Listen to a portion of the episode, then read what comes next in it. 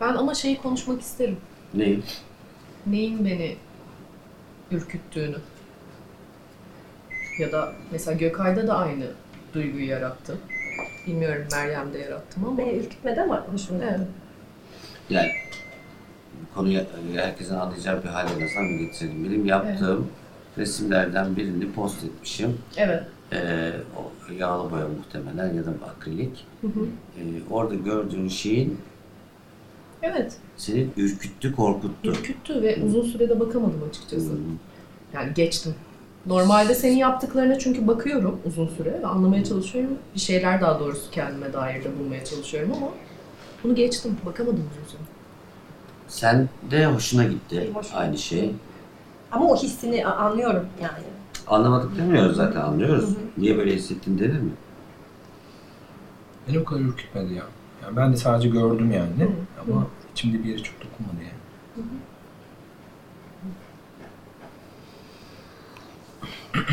Şimdi bir zaten bu sanat eserlerinin hemen hemen hepsi için geçerli bir şey. İsterse edebiyat eseri olsun, isterse e, plastik sanatlar işi olsun. Çok sıklıkla duyduğum şöyle bir şey var. Ben resimden anlamam der kişiler mesela. Muhtemelen resimle ilgili özel bir eğitim almadığı için, çok okumadığı için bilmem nedir ama ben dedim ki yok öyle bir şey. Anlamam diye bir şey yok. Çünkü aslında iyi bir sanat eserinin bakıldığı yer zihnimiz değildir. Ee, hmm, bizde yarattığı duygudur. Onun için bazı şeylerin karşısında kala kalmamız, uzun süre bakma arzumuz, bazı şeylerden kaçma duygusu yaşamamız, bir eserin bizi korkutması, ürkütmesi, tüylerimizi diken diken etmesi, bir eserin bizi ağlatması, zaten sanatın en temel meselesi bu yani. Zaten bunu yapıyorsa orada bir eser var. Halbuki biz de zannederiz ki genellikle e, gördüğümüzü zihnimizde anlamlandırdığımızda iyi bir sanat eseri var. Mesela ne o? İşte aa şurada ağaçlar var, burada da yol var, burada da ev var falan dediğimizde çok daha rahat eder içimiz. Ya da bir portre gördüğümüzde çok daha rahat eder içimiz ama böyle bir portre gördüğümüzde de hissettiğimiz şey vardır. Buramızda değil, buramızda baktığımız bir şey olsa gerektir. İyi bir sinema eseri de öyledir. Tarkovski filmi izlediğinde bazı yerleri anlamlandıramadığın yerler olur ama acayip bir his yaşarsın. Haneke izlerken yine aynı şeyi yaşarsın. Onun için zaten iyi sanatçılar zihinlere hitap etmeye pek de ehemmiyet vermezler, uğraşmazlar. Zaten kendileri de onu zihinleriyle yapmazlar. Şimdi ben şey derim buna, hani çorbayı çatalla içemezsin. Sanat eseri de zihinle kavranacak, zihinle yapılacak bir şey değildir. Biraz daha duygu kaşığıyla olan şeylerdir. Mesela şöyle anlatayım size. Ee, mesela Paris'te Montmartre'da ressamların olduğu bir bölge vardır. Orada bir sürü ressam vardır. Hatta işte Prag'da bir köprünün üzerinde vardır. Ee, bu ressamlara gidersiniz ve sizin size çok benzeyen portrelerinizi çok kısa sürede size yaparlar. Çok da büyük bir para olmayan bir parayla da gidersiniz o bayağı iyi yapılmış resmi satın alırsınız. Ama o ressamların hiçbirinin ciddi ciddi sergisi yoktur. Ve de öyle yüksek fiyatlara satılan işleri de yoktur. Halbuki birebir benzemektedir yani yaptığı şey. Ama iyi iş birebir benzemek midir acaba? Dolayısıyla sanatçılar sokağı gibi bir laflar duyarsanız bir yerde bilin ki orada pek de gerçek sanatçı yoktur. Ama bir şekilde iyi çizim yapan insanları bulabilirsiniz. Korkmanı çok iyi anlıyorum ama o korkuna bakmanı isterim. Ee, yani İspanya İç Savaşı olduğunda Picasso'nun yaptığı Guernica'ya bakmak da duygu aktığı için orada zaman zaman zor gelebilir. Bir sürü sanatçının bir sürü işine bakmak zor gelebilir. Haneke filmlerinde çok ilginç bir şey olur. Bana Funny Games'e falan vesaire ya başlarsın filme yarısında falan keşke seyretmeseydim. Bitsin bu dersin bırakamazsın da. Adam bizi rahatsız eder yani. Bir şeyin rahatsız edici olmasından niçin bu kadar korkuyoruz? Neremizle karşılaşıyoruz? Bizim neremiz aslında bazı şeyleri kavramaktan, bazı şeylere bakmaktan, bazı şeyleri hissetmekten kaçıyor. Çünkü o doğanın, evrenin de içinde olan parçaları içeriyor ve biz niye acaba buna bakarken rahatsız oluyoruz'a da bakmamız gerekiyor. Kaçınmamız bile bir kıymet onun için. Mesela dediğin gibi ben bu tarz filmleri de izlemeyi tercih etmiyorum. Ondan sonra beni rahatsız eden görüntüleri bakamam. Yani hiç bakmam. Karşılaşmak istemem. Ee, kaçıyorum yani bu tarz şeylerden. Görmek istemiyorum. E, Mesela bu tarafın seninle ilgili demek ki tekamül etmen gereken bir yere işaret ediyor. Ben bazen biliyorsunuz videolar falan da çekerim, fotoğraf çekerim vesaire gittiğim yerlerde. Mesela İzlanda'da bir şey çekiyorum. İzlanda'nın böyle inanılmaz bir yer orası. E, Mars gibi. Açık söyleyeyim yani. Bütün diğer ülkelere ve topraklara gittiğimde doğa diyorsun ama İzlanda deyince aklıma doğa kelimesi bile kesmiyor beni yani. Başka bir şey var. Mars gibi bir yere iniyorsun yani. Sanıldığı gibi böyle çok ağaç falan olan bir yer de değil. Çok acayip bir yer, volkanik bir yer, bilmem ne bir yer. Mesela oradaki böyle dalgalar var ve buz gibi ve hani kenarında durduğunda senin üç katın falan görünüyor. İşte mesela onları çekiyorum. E, gri dalgalar, siyah kum falan. Mesela altına şöyle şeyler yazıldığını çok e, Cem Bey niye böyle karanlık şeyler paylaşıyorsunuz? Niye? Niye? Sana karanlık bir kere. Ve sen niye bu karanlıkla meselende karanlığına bu kadar çok sahip çıkmıyorsun? Pembe kalplerle mi geçireceksin hayatını? O plastik bir şey. Görkemli bir şey değil. Dolayısıyla bu bizi hayatın görkemli ve damarlı kısımlarından da kaçındığımızı işaret ediyor olabilir. Ama hayat onlardan oluşmuyor. Bunlar da çok heyecan verici. Size senin karanlık bulduğun şey benim tüylerimi diken diken ediyor. Heyecandan oluyor, ölüyorum. Siz benim o hoca dalgalarım ve o bilmem nelerim oldu. Beni görseniz bir çocuğa benziyorum ben. Aynı şeyle karşılaştığınızda benim çocuğa döndüğüm, heyecanla zıpladığım şey seni korkutuyor ise bir şeyleri kaçırıyor olabilirsin. Oraya bakmak lazım. Ben neden korkuyorum? Hayatın içinde bunlar da var. Şey olamaz mı Cem? Hani kaçıyor değil de benim öyle bir alışkanlığım yani duyu korkuna bakmak ne demek?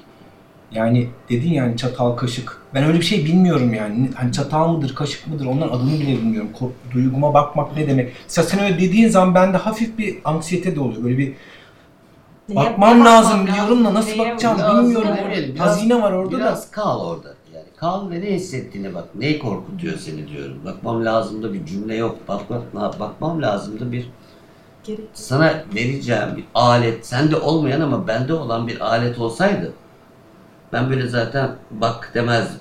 Sende de olan bir şeyden bahsediyorum. Dur ve hissettiğine bak diyorum ben. Bu kadar basit. Korkuyorum lan ben. Neden korkuyorum? Nasıl bir korku? Bu kadar basit. Özel bir armağanlı doğum, gifted bir şey olmana gerek yok. Ama hayatımızda eğer hep bizi rahatsız etmeyen hep bize iyi gelen hallerin içinde gezersek hayatın önemli bir kısmını kaybetmeye başlarız. Hayatın görkemli, hayatın bir sürü anlam katmanı olan bir sürü yeri de kaçırmaya başladığımız anlamına gelir. Onun için ben kendimde ne yaparım mesela? Beni rahatsız etme olasılığı olan şeylerden o kadar da kaçmam, içine girerim. Hep böyle yapmaya çalıştım hayatım boyunca. Çünkü çok kalıyor öbürü. Oh ne güzel. Lay lay lom. Sonra benim hayatım niye cılız, benim hayatım niye tatsız, ben, benim hayatım niye keyifsiz? Ben mesela bazen arkadaşlarım benimle aynı ülkeye tatile gidiyorlar. Ya sen onları nereden buldun, nasıl gittin oralara falan. E sen çünkü sanki bilmem ne tur şirketiyle gitmiş gibi E, gittin Google'dan search ettin, her şeyini yerleştirdin, nerede kalacağım belli. Şimdi şu müzeye girdim, ondan sonra da bu müzeden ettin. çıktım. Her şeyi optimize ettin. Ondan sonra ay şu lokantası çok iyiymiş onun. Baktım search ettim. E, bütün bloklarda orası bilmem ne. Yok abi öyle bloklarda orası bilmem ne olmuyor. Sezgilerine bakacaksın, akacaksın. Bazen nerede kaldığını bilmeyeceksin. Akşamı illa da garantilemeyeceksin. Akacaksın ki hayat sana yollar göstersin. Yoksa rutunu çizersin. Salak, salak gibi değil ama tatsız tuzsuz gidersin. E, döndüğünde de zaten Google'da o ülkeyle ilgili ya da o şehirle ilgili yazılanların benzerlerini de sen yaşamış olursun. Yok hayvan sihir. Durur musun? Mesela durdun mu abi diyorum mesela bir ağaçla veya bir şeyle karşılaşırsın Ee, ve sana bir şey söyler. Ben bazen 8 saat kalırım orada. Ay benim akşam şurada olmam lazım. Akşam şu akşama kadar şu müzeye geç, gezmem lazım dediğin an onunla altında geçireceğin o inanılmaz anları çöp ediyorsun. Ve bu aynı zamanda senin hayatı yaşama biçiminde demektir. Çünkü sen hayatı da böyle yaşıyorsun. Demektir. Bir de böyle bir liste beklediği zaman sen zaten yetiştireceğim stresiyle hani gitsen de o müzeye ondan da bir şey anlamıyorsun. Evet. Bunu, ben şimdi bu Tamam, metaforu geçelim. ilerleteyim sana. Şu yaşa geldim artık evlenmem lazım. Tabii. Aynı cümle. Şu yaşa geldim artık bir çocuğumun olması lazım. Şu yaşa geldim artık şurada bir evim olması lazım diye yaşanan hayat da böyle. Ya ondan sonra tabii ki bir şey de anlamıyorsun diyorsun ya o da işte evliliğinden de bir şey anlamıyor yani. Tatsız tuzsuz tarhana oluyor. O, kadar çok pompalanıyor ki ama bir yandan da. Şimdi insanların çalışma şekli özellikle kurumsal hayatta çalışanların bunun üzerine kurulu. Yani her şeyi planlamak, programlamak. Güne nasıl başlıyorsun mesela kurumsal hayatta? To do listle başlıyorsun. Bugün yapılacaklar listesi. Hepsinin saati belli, ne zaman yapılacağı belli, kimle yapılacağı belli. Dolayısıyla bir yerden sonra bu yaşamına da yansımaya başlıyor. İşte Hayatı da böyle yaşamaya lazım başlıyor çünkü insanlar. yani işine öyle şeyler gerektiriyor olabilir. Ee, gerektiriyorsa yapacaksın bir şey yapacağım. O senin rızkındır. O zaman ama şunu ayırt etmek lazım. O iş senin yaşamını dolduracak kadar hayalini, kalbini, hatta kendini gerçekleştirmek istediğin alanı tarif ediyorsa zaten to-do listelerin ötesinde sen işinle hemhal olmuşsundur ve çok. Eğer o iş sadece ve sadece senin asıl hayatına yürümen için rızıksa, ya rızık diyorum yani para kazanmak dediğin an onun sınırı yok çünkü. Rızık o değil. Rızık işte e, başımın altında bir evin üstünde yaşayabiliyor muyum? Kiram varsa kiramı ödeyebiliyor muyum? Karnım aç mı değil mi? Rızıksa onu bir rızık olarak kodlarsın ve orada işini yaparsın ama hayatının totalini, bütününü böyle yaşamaman lazım yine de. Bir şekilde ayıracaksın. Bunu nasıl ayırabilir insanlar? Mesela şöyle bir örnek vereceğim. Çok sevdiğim bir yakınımla 3 günlük bir tatile çıktık. Sabah uyandığından itibaren sürekli şunları söylüyordu. Tamam işte e, İnci bugün neler yapacağımız belli. İşte öğle yemeğini şurada yeriz. Akşamüstü Tamam. şöyle yaparız. Akşam da yemeğimizi şurada yeriz. Ondan sonra şu saatte şuraya gideriz falan gibi. Sürekli plan yapıyor. Planlar sürekli değişiyor. Çünkü altında belki de yapmak istediği şeyler onlar değil. Ve ben bir yerden sonra böyle şeye girmeye başladım. Strese girmeye başladım. Aman tanrım yetişemeyecek miyiz bunların hepsine? Sürekli bir şeylere yetişme kaygısı ve böyle hani düzgün bir şekilde programa uygu- uyma kaygısıyla yaptık o tatili. Ben rahatsız oldum. Baktım o da aslında rahatsız oluyor. Fakat çokça da böyle şeyler yaptığı bir işi var. Hani insanlar bu şeyden kurtulmak için, bu döngüden kurtulmak için, bunu hayatına yansıtmamaları için Hep Belki ne yapabilirler? Yani yelpazenizi geniş tutun dediğim hep bu. İşte başka mesleklerden, başka ırklardan, başka e, yaş gruplarından, başka kitaplardan, başka filmlerden, başka başka hep yelpazeyi geniş tutmamız lazım. Çünkü onun içine girdiğimizde o, o yapı bizi bir e, zehirlemeye başlıyor. Aidiyetin tehlikeli tarafı zaten o bir sur koyuyor etrafımıza. Bu sur bizi aslında içeride koruyor. Ne güzel bak bir sur var. Kalenin içinde de güvendeyiz. Bu eşittir ne demek biliyor musun? Kalenin surlarından dışarı baktığımız herkese de öteki gözüyle bakmak demektir. Düşman gözüyle bakmak demektir. onları anlamamak demektir. Onlarla hemhal olmamak demektir. Onların değerini içeriye katamamak demektir. Onların lezzetini alamamak demektir. Onlarla sohbet edememek demektir. Büyük bir kayıp. Güvenlik ben bazen şöyle söylüyorum yani bir ülke düşünün ki bütçesinin yüzde doksanı Milli Savunma Bakanlığı. O ülke güzel bir ülke midir? Berbat bir ülke. Berbat. Yani. Ruhsal bütçeniz var bir de. Ruhsal bir enerjiniz var. Benzin deposu gibi düşünün. Benzininiz var ve benzininizi bir tek şeye harcıyorsunuz. O yazık arabanızın olması fikrine yani. Tabii. Yazık. Ruhsal enerjimiz öyle bir şey. Bütçelendirirken doğru bütçelendiriyor. Her şeyi güvenlik için harcıyorsan, her şeyi düzgün olmak için harcıyorsan kaçırırsın. Hayatın her şeyini kaçırırsın ve hayat o kadar çok şey sunuyor ki hakikaten yazık günah çünkü çok çok, çok heyecanlı bir yer yani bir yanıyla da. Karanlığıyla da, siyahıyla da. Her şeyde çok heyecanlı. E, Aksi takdirde işte hayatı tur şirketiyle gezer gibi gezersiniz. Önünüzde de bayraklı bir tane hanımefendi vardır. Onun anlattıklarının üzerinden yürürsünüz. Hayatı böyle yürüyorsunuz demektir. Bu arada yani rehberleri küçümsüyormuş, önemsemiyormuş gibi söyleyeyim? Onun korkunç bilgileri olan insanlar. Ee, ama birazcık akmanız lazım. Bu akamama durumu şeye de bağlı olabilir Ben mi? mesela deminki ilk soruya döneyim. Ben iyi bir, e, özellikle bir contemporary art meselesi, çağdaş sanat meselesinde o kadar çok osur osur ipediz durumlar var ki. Mesela fikirle yapılmış iş dolu etraf. Aklına bir şey gelmiş. Ondan sonra onu yapmış. Altına da yazıyor. Ben burada bunu demek istedim de şunu demek istedim. Zaten okumayınca hiçbir şey hissetmiyorsun.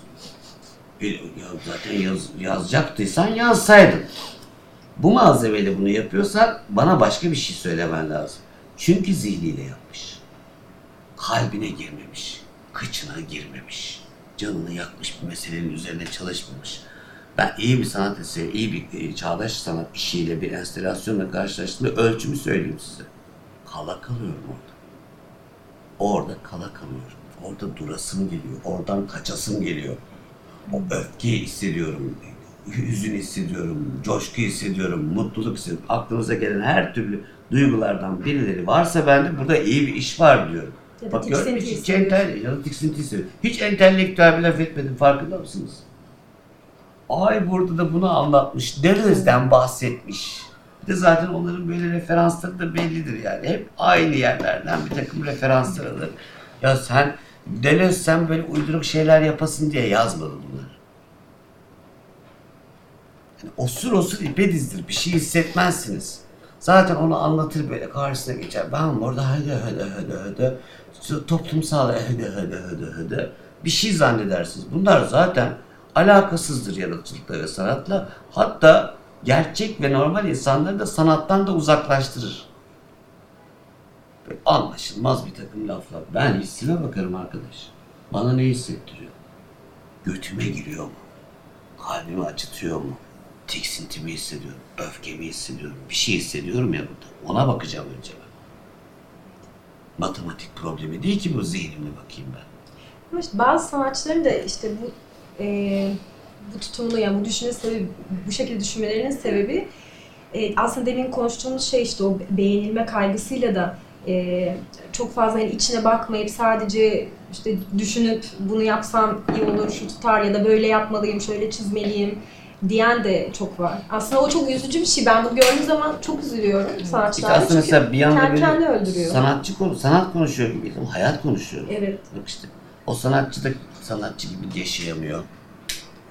Onun izleyicisi de gerçekten karşılaşımı. Hayatımızı da bu hale getirmeye başlıyoruz.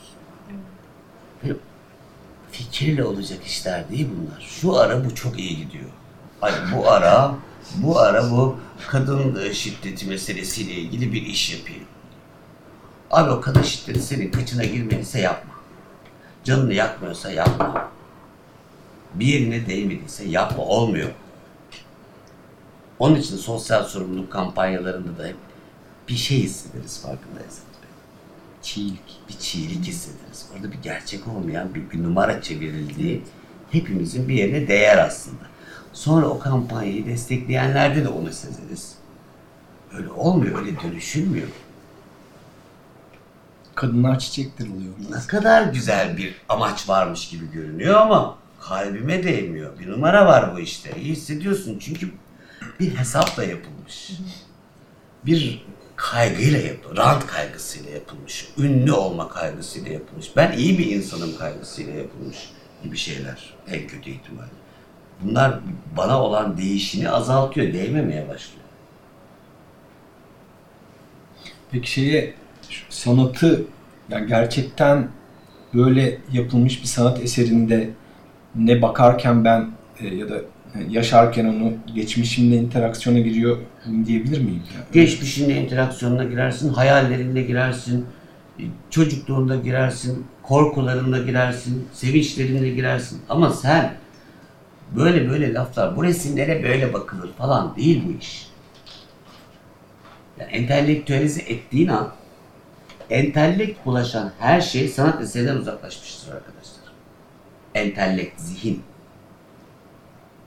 Ben yemekte falan bile bunu yaşıyorum Tabii. mesela. Zihin Beni bir yere götürüyor bazı yemek. Zihin, zihin bulaşmayacak. Zihin ne zaman biliyor musun? Benim var öyle kitaplarımda. Romanlarım, hikayelerimde yoktur. Ama mesela makale yazıyorsan zihnin bulaşsın abi. Ama sanat eserinde yok.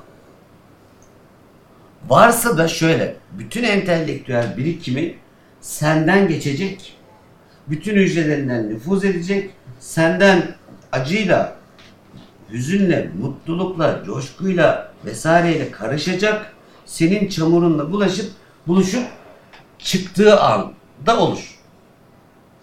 O zaman işte bir cümleyle ağlarsın. Evet, bir cümleyle ağlarsın, bıçak gibi sokar. İyi, iyi sinemada, iyi filmde de o vardır. Ben bunu hep şöyle anlatıyorum. Ee, Böyle çok genç yaşlardayım. Ee, Festivalde bir film izledim. Ee, Leos Carax'ın bir filmi. Köprü Üstü Aşıkları filmin adı. Hatta Pont-Neuf'te geçer o. Paris'teki o, o köprünün bendeki anlamı o film yüzünden başkadır ya. Şu an bile bahsederken bakın tüylerim diken diken oldu. Yani o, o köprüde olmak, o köprüde sabahlamak, o köprüde e, durmak, özellikle gece durmak falan bana hala çok acayip duygular getirir. Filmde öyle benim için. E, hatta Juliette Binoche'u ilk gördüğüm film. Yani çok genç bir, biriydi o zaman. Ben yani çıktığımda çok acayip olmuştum filmden. Beni çok etkilemişti. Ee, hatta kimseyle konuşacak halim yoktu. Çıktım bir böyle sokağın köşesinde bir yerlerde böyle duvara yaslandım böyle duruyorum. Bir tane arkadaşım geldi. Hatta sonradan yönetmenlik yaptı o arkadaşım. Ee, yapsın da yani duvara elini koydu bana şöyle dedi. Abi dedi planları gördün mü dedi. Işık dedi, bilmem ne dedi, cart ulan dedim. Benim, ben burada geberiyorum, sen plandan bahsediyorsun. Sen filmi izlememişsin ki kardeşim. Film, film sana geçmemiş ki. Hatta yönetmen senin gibi hesaplı bir adam olsaydı zaten film bu kadar da iyi olmaz. Onlar ayrı meseleler. Onları ayrıca konuşalım. Sinema televizyon bölümlerinde ışık konuşulsun, anlatılsın, planlar konuşulsun. Ama o değildir ki. İyi bir yönetmen, iyi bir sanatçı planını hazırlarken kurallara mı uyuyor sanıyorsun? Onun duygusu var, o duygu var ya, o duygu onun nerede olursa onu bulurum'a bakıyor. O zaman da iyi çıkıyor zaten. Çok acayip, filmi seyretmemiş. Film bir yerinden geçmemiş. Oraya takılmış kalmış. E, bu düzlemde zaten konuşulunca bunların bir de itici bir hale de geliyor. Çok. Ondan sonra bir tane dergi alıyorsun eline. Tarkovski sinemasında zaman mekan sorunsalı diye bir başlık. Ne diyorsun kardeşim? Tarkovski peygamber gibi bir herif çok acayip yani. Bu mu yani çıkaracağın cümle? Böyle mi anlatacaksın bana Tarkovski? Ben bunu okuduğum an Tarkovski'yi seyretmemiş olan bir insan olsam hiç seyretmem de. Ne diyorsun? E, senelerce Tarkovski o yazıyı okusa yani. tokat atar sana yani. Böyle basar sana yani. Böyle anlatılmaz o. Böyle değil. Sen o şeyin damarıyla buluşmamışsın ya. Bir ara verelim mi ya? Bence ben benim tam sevdiğim noktadan gidiyordum. Valla. Biraz daha böyle yükselseydim ben buradan kameraya gidip buradan dalacaktım. Gel abi bence. Yani Ya ben de Tarkovski'nin tanrı olduğunu düşünüyorum da o yüzden. Ay çok yukarılarda, uzaklarda aramaya gerek Abi yok ama diye yani-. Enel Hak diye bir şey var. O, evet Tanrı yani. Peygamber Kesinlikle o ya. Kesinlikle öyle. Yani Peygamber gibi adamdım. Ama ona böyle bakılır mı ya? Uzaktan peki.